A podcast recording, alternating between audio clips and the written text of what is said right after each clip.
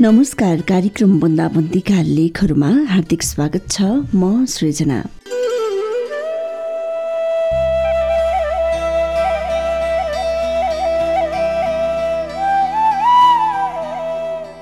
समय र समयको माग अनुसार हामीले आफूलाई परिमार्जन गर्दै जानुपर्ने रहेछ।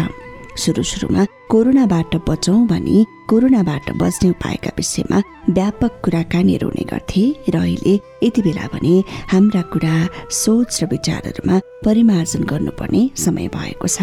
यति बेलाको समयमा भने कोरोनाबाट बच्ने उपाय अप्नाउनका साथै कोरोना संक्रमितहरूलाई हेर्ने दृष्टिकोण उनीहरूलाई गर्ने व्यवहारमा पनि परिवर्तन गर्नुपर्ने भएको छ। यो विषयमा बुझ्नु पनि जरुरी देखिन्छ।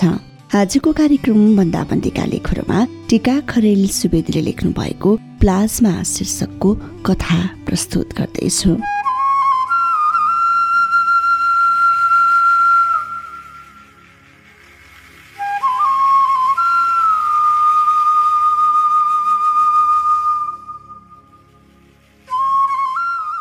मेरो टोलमा एक तरकारी व्यापारी कोरोना संक्रमित भएपछि उनी बसेको घर सिल भयो।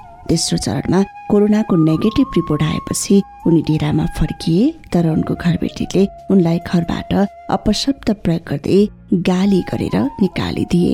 धेरै ठाउँमा उनलाई कोठा दिएन कारण थिए उनका घरबेटी। आफ्नै टोलमा मात्रै नभई अलि परकै टोलमा समेत समाजसेवीको नामले प्रख्यात थिए उनका घरबेटी। बल्ल तल्ल कोठा मिल्यो एक ठाउँमा।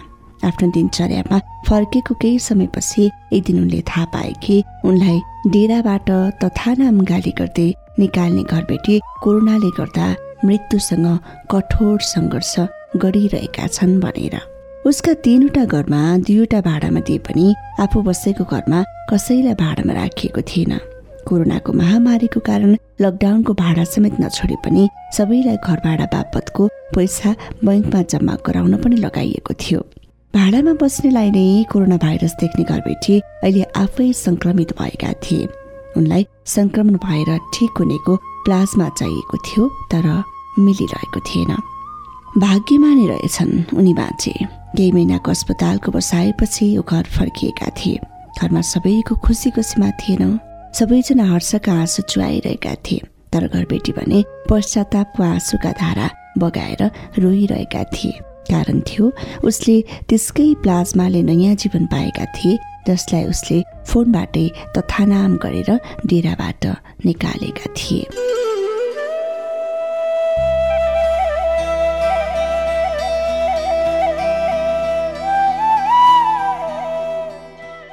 टिका खरेल सुवेदीले लेख्नु भएको प्लाज्मा शीर्षकको कथा आजको कार्यक्रम बन्दाबन्दीका लेखहरूमा प्रसारण गरे। आजलाई भने बन्दाबन्दीका लेखहरू यति नै।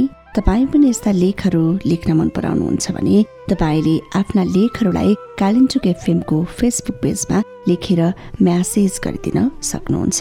तपाईँका लेखहरूलाई हामी कार्यक्रम बन्दाबन्दीका लेखहरूमा प्रसारण गर्नेछौँ। आजलाई भने बन्दाबन्दीका लेखहरू यति नै। यतिन्जेलसम्म सुनेर साथ दिनुहुने तपाईँ सम्पूर्ण श्रोताहरूलाई विशेष धन्यवाद अनि प्राविधिक मित्र प्रहलादलाई विशेष आभार भन्दै बिदा हुन्छु। नमस्कार।